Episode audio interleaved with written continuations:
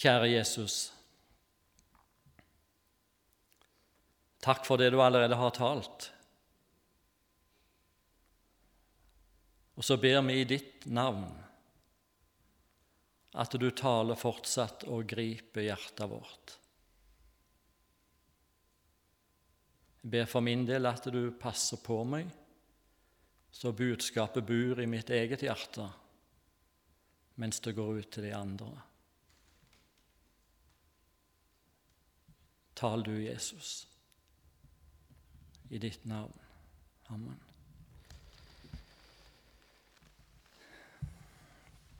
Det er ett eneste vers fra Filipperbrevet, kapittel 3, og så er det vers 20. Og nå må du høre etter. Men vi har vårt hjemland i himmelen.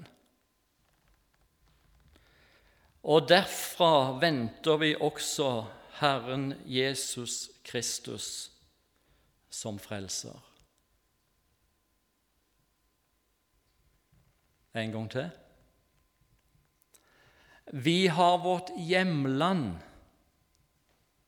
i himmelen. Og derfra venter vi også Herren Jesus Kristus som frelser. Jeg vil tro de fleste av oss har vært utenlands. Til og med jeg har det, da. Og før vi reiser, så ser jeg fram til å komme ut, kanskje på litt ferie. Og så er det så merkelig. Når han har vært ute en stund, så begynner tankene å svive og går hjemover. Og så er det noe en ikke kan forklare. Der er på en måte en slags lengt hjem. En som er frelst, som har møtt Jesus Kristus, er blitt Guds barn, har egentlig ikke sitt hjemland i denne verden. Nei, vårt hjemland er i himmelen.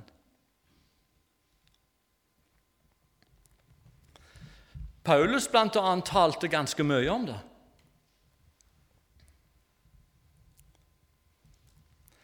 Han eh, sier det bl.a. slik at vi ser ikke det vi ser.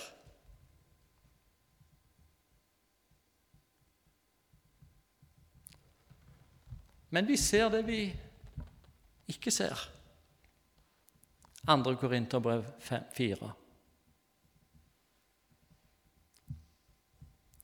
Og så har jeg av og til gått her og så har jeg tenkt Hvordan ser det egentlig ut, og hva møter oss i himmelen?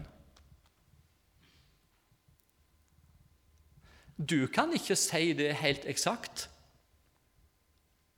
Og heller ikke jeg, for ingen av oss har vært der. Men Bibelen, og særlig Johannes' åpenbaring, gir noen glimt inn i hvordan det ser ut i himmelen, og hvordan det ikke ser ut. Vi skal ikke ta så veldig mye tid til å lese i kveld, men du kan slå opp sjøl når du kommer hjem fra åpenbaringsboka 7 og kapittel 21 og 22. Og bare for å si det kort I himmelen er det eksempel ingen sykdom. Fins ikke. Hadde vi tatt en rundspørring i kveld hvor mange her som har en eller annen form for sykdom,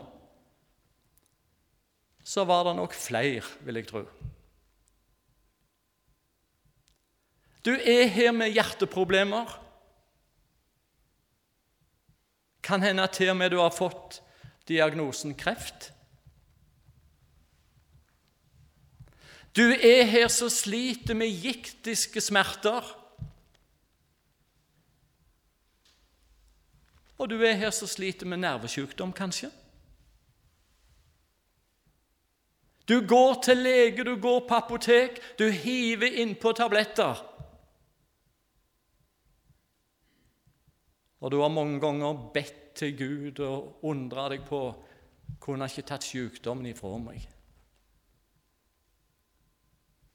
Du syns egentlig at hverdagen din blir forringa av sykdom. Der heime i himmelen, der finnes ikke fnugg av noe sjukt. Alt er friskt. Trenger ikke tabletter og trenger ikke gå til lege. Og i himmelen Der er det f.eks. heller ingen død.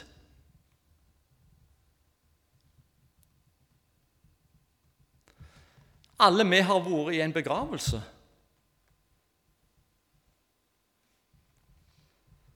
Og når vi mister noen av våre aller nærmeste som vi er glad i, så er det noe sårt og noe vondt. Og i ettertid er det et saken. Og det er så mange minner som strømmer på. For min del, det nærmeste jeg har mista, er mor. Jeg har mista et par-tre gode venner på min alder. Og jeg vil tro du sitter her nå og tenker akkurat på noen av de du kanskje var mest glad i, som ikke er her fordi døden kom.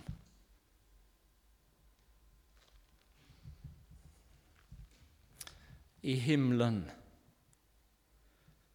er det ingen begravelse, ingen likfølge, ingen minnestund slik. I himmelen finnes ikke død, der er bare liv som aldri ender.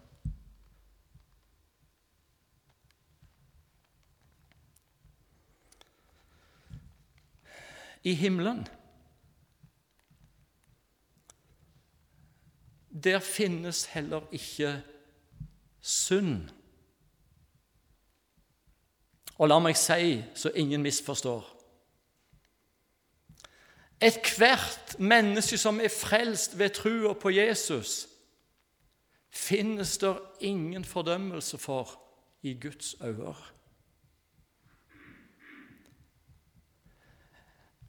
Meg som en frelst synder Jeg blir ansett i Guds øyne for å være like ren som Jesus. Det er Jesus som er mitt liv nå. Jeg er skjult i Han. Jeg hopper ikke ut og inn og ut og inn hele veien av den tilstanden. Jesus dekker meg fullstendig.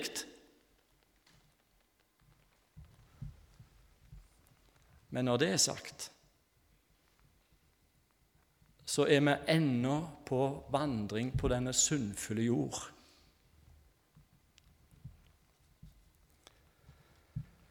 Og hvis det er noen få bibelvers jeg i perioder har kjent meg igjen i.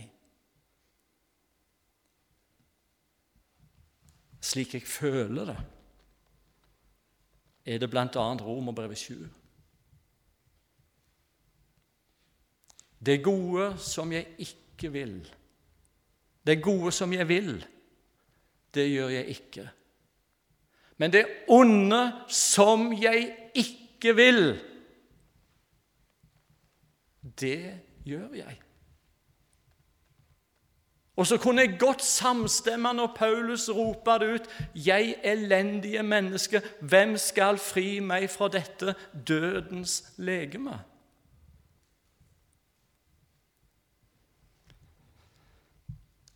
Jeg trenger ikke brette innsida mi ut for dere, og slettes ikke du for meg. For min del så klarer jeg eh, å passe munnen min sånn at jeg ikke banner. Jeg regner meg faktisk òg for å være avholdsmann. Ingen turing og festing og fulleliv her.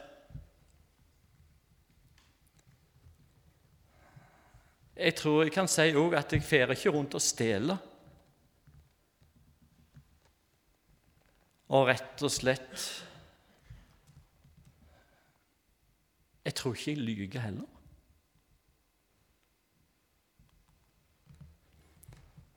Jeg prøver òg å passe tunga mi så det ikke blir for mye baktaling.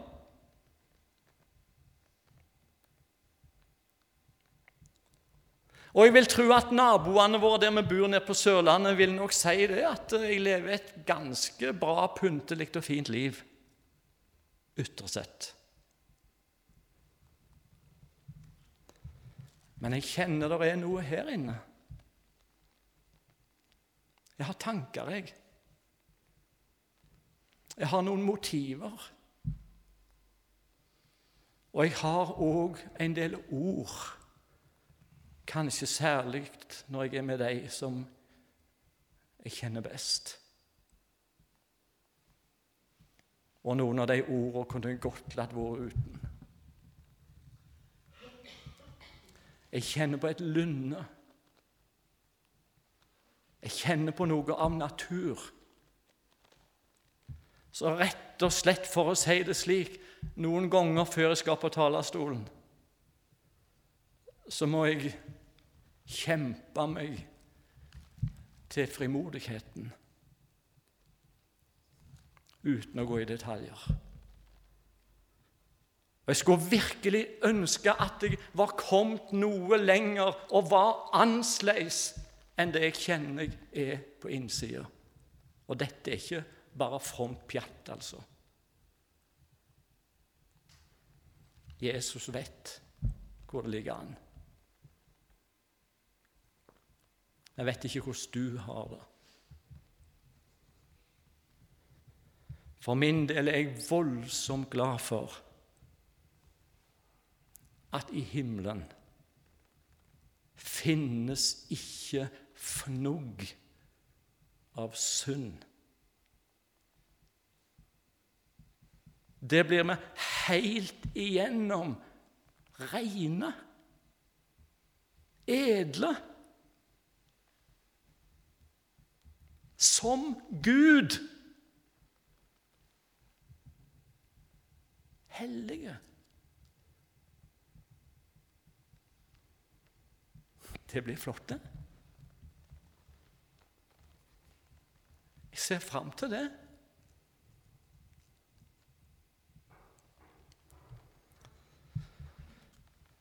Jeg vet at i himmelen der er noen av mine gått i førerveien. Det skal òg bli voldsomt fint og godt og kjekt å treffe dem igjen. Jeg har hatt besteforeldre som har bedt for meg så lenge jeg husker dem. Og noen av dem opplevde ikke å se at jeg for min del ble frelst.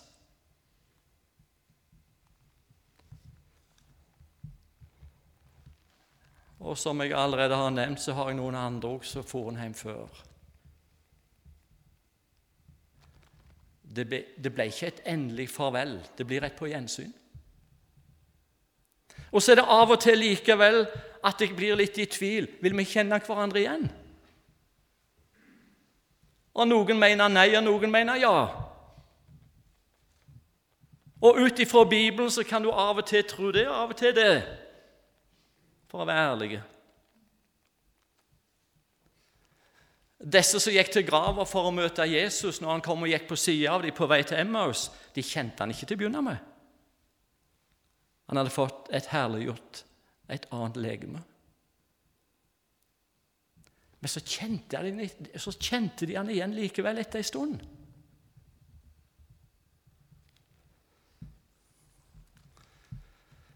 Men jeg hadde nesten sagt puttsan. Det viktigste er likevel ikke om jeg vil kjenne igjen de forskjellige menneskene som har gått i føreveien. Det er én ting jeg er helt sikker på. Det er én person som jeg kommer til å dra kjensel på med en eneste gang jeg ser han, for han skiller seg ut. Han har noen merker. Han har noen sårmerker. Han fikk de ved at han hang på et kors.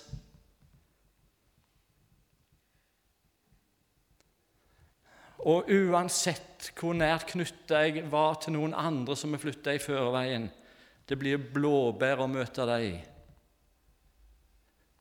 i forhold til å møte min aller, aller beste venn, som ordna meg slik at jeg kunne komme inn i himmelen. Han som elska meg så at han gikk i døden for meg, som bare gjorde han imot. Nå har jeg hørt om han. Nå har jeg lest om han, jeg prøver av og til å danne meg et bilde. Hvordan mon tror du ser ut, Jesus? Jeg klarer det ikke helt. Men da skal jeg få se han ansikt til ansikt. Og rett og slett leve kloss innpå livet på han, evigheten lang, synge med ei løyste tunge til hans pris. det blir det største, tror jeg,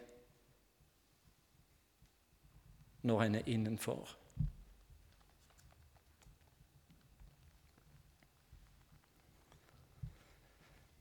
Av og til når vi snakker om himmelen og det som venter der, så treffer vi på noen mennesker, f.eks. For foreldre. De har barn som så langt de vet, ikke er frelst. Og så kommer det rett og slett noe av hjertespråket fram en gang iblant. Ja, men himmelfestet blir ikke ordentlig fest for meg om ikke bodna mine òg er på den festen. Og om ikke ektefellen min er på den festen. Tanken på å vite at de er utenfor og jeg innenfor, vil jo slett ikke gi noen fullkommen fest for meg, iallfall. Saknet vil døyve det.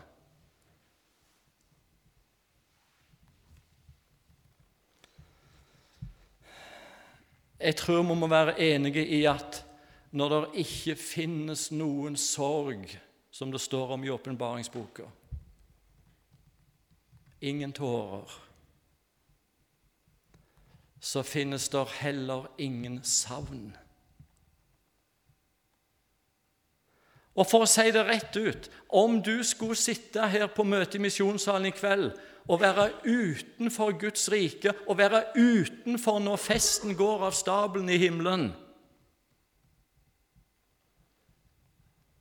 så vil ingen av f.eks.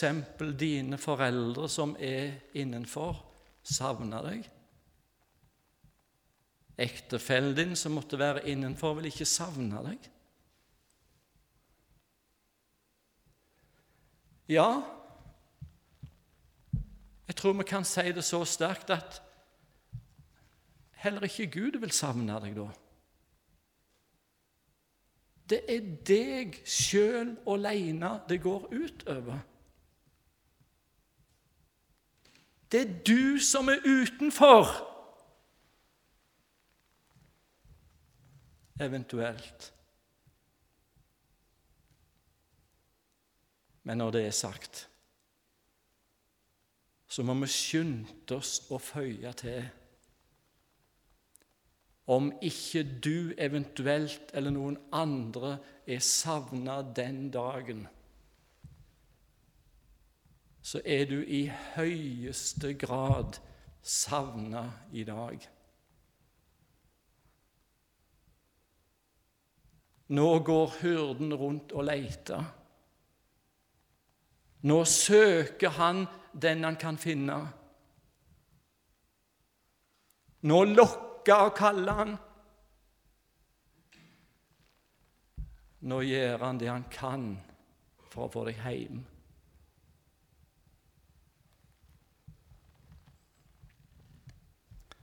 Der finnes ingen som søker Gud, står det. Men Han søker oss.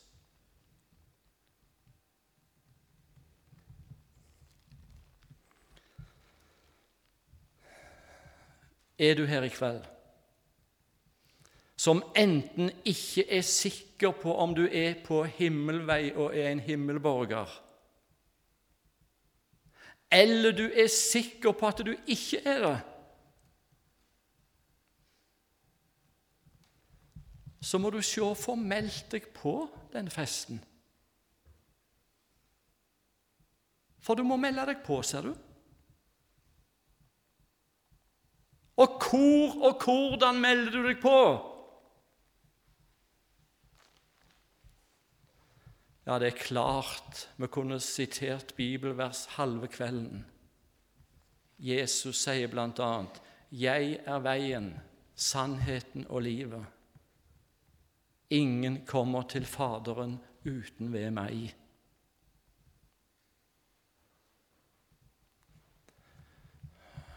Og så står det òg Ingen av dem som tar sin tilflukt til ham dømmes skyldig. I samme stund et menneske klamrer seg til Jesus Kristus og ber om nåde, går det mennesket over ifra døden til livet og er påmeldt på festen.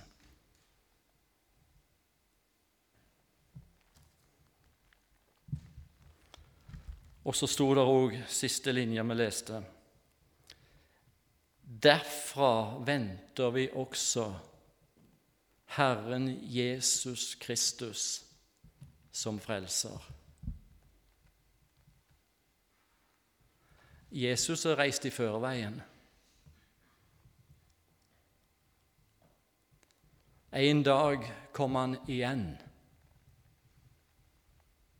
Det er ikke alle mennesker som skal gjennom døden. Det er noen som lever på denne jorden når Jesus kommer for å hente sine hjem i sky.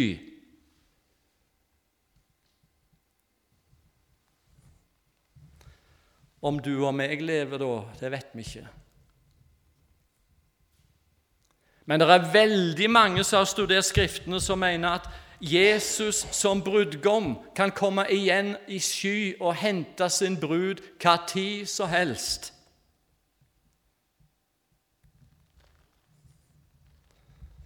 Paulus trodde at det var så snart forestående at i 1. Tessalonika-brevet 4, når han skriver om at de døde i Kristus skal først oppstå, så skriver han deretter skal vi som lever, sammen med dem rykkes i skyer opp i luften.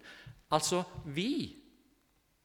Det kan faktisk se ut som Paulus tenkte det var så nært forestående at Jesus skulle komme igjen, at vi som lever, sier han. Han trodde han levde da.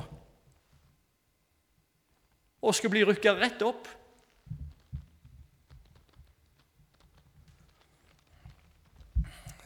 Jeg har tenkt på det faktisk en del den senere tid. Dette med at Jesus skal komme igjen. Kanskje en annen kveld, jeg vet ikke. Men bare litt kort nå. ingen av oss vet dag og time. Men det er forskjellige tegn som går an å tyde forut for hans komme. Det er akkurat som på våren så tyter det fram forskjellige tegn, f.eks. i naturen. Du ser knopper springe fram, blader blir grønne, og du skjønner snart er det sommer. Slik er det tegn rett forut for at Jesus kommer igjen.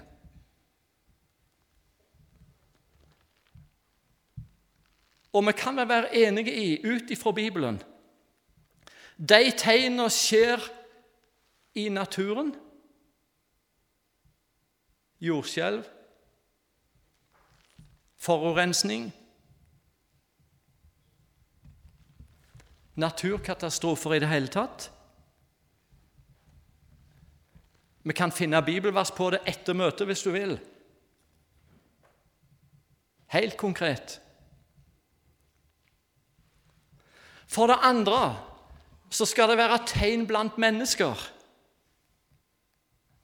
Vi leser om det bl.a. i 2. Timotius brev 3.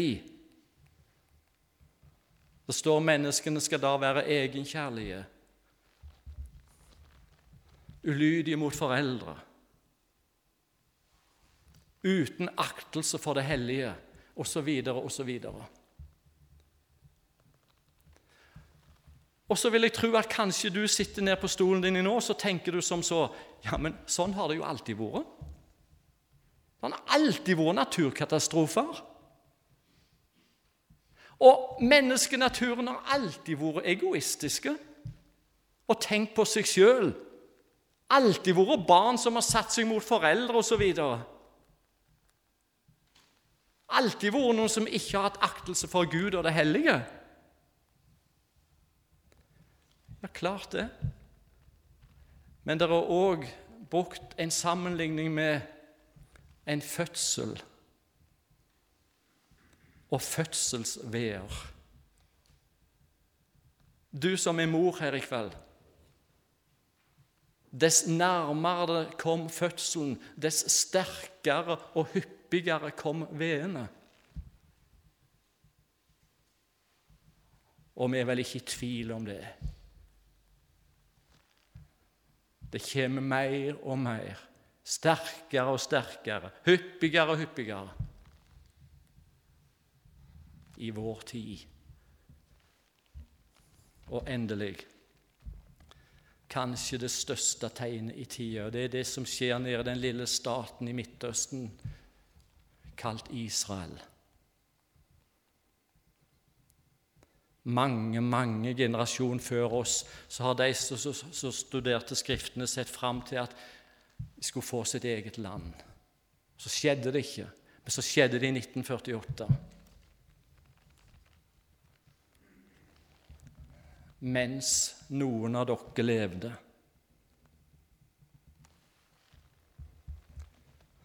Og så er det faktisk noen som påstår, og som jeg vet har studert Skriftene nøye, jeg hadde ikke turt å sagt det som deg, men nå bare siterer jeg litt grann løst. Det står at 'denne slekt skal ingenlunde forgå' før det har skjedd alt sammen. Slekt i den forbindelse kan bety generasjon, ut ifra grunnteksten. Den generasjon altså som var der når Israel ble danna, skal ikke forgå før det har skjedd alt sammen. Og hvis det er tilfellet, hvis det er tilfellet, så er vi uhyggelig nærme. Det er vi. Se, jeg kommer snart, er Jesu egne ord. Og da gjelder det når han kommer. Hvis noen av oss lever da, så må vi bli dratt med han hjem. Og jeg må bare spørre hvis Jesus skulle komme før møtet vårt i misjonssalen i kveld er slutt, ble virkelig alle stolene tomme. Ble din tom? Enn min? For alt i verden må vi ikke bli gående og tumle igjen her når de troende rykker hjem.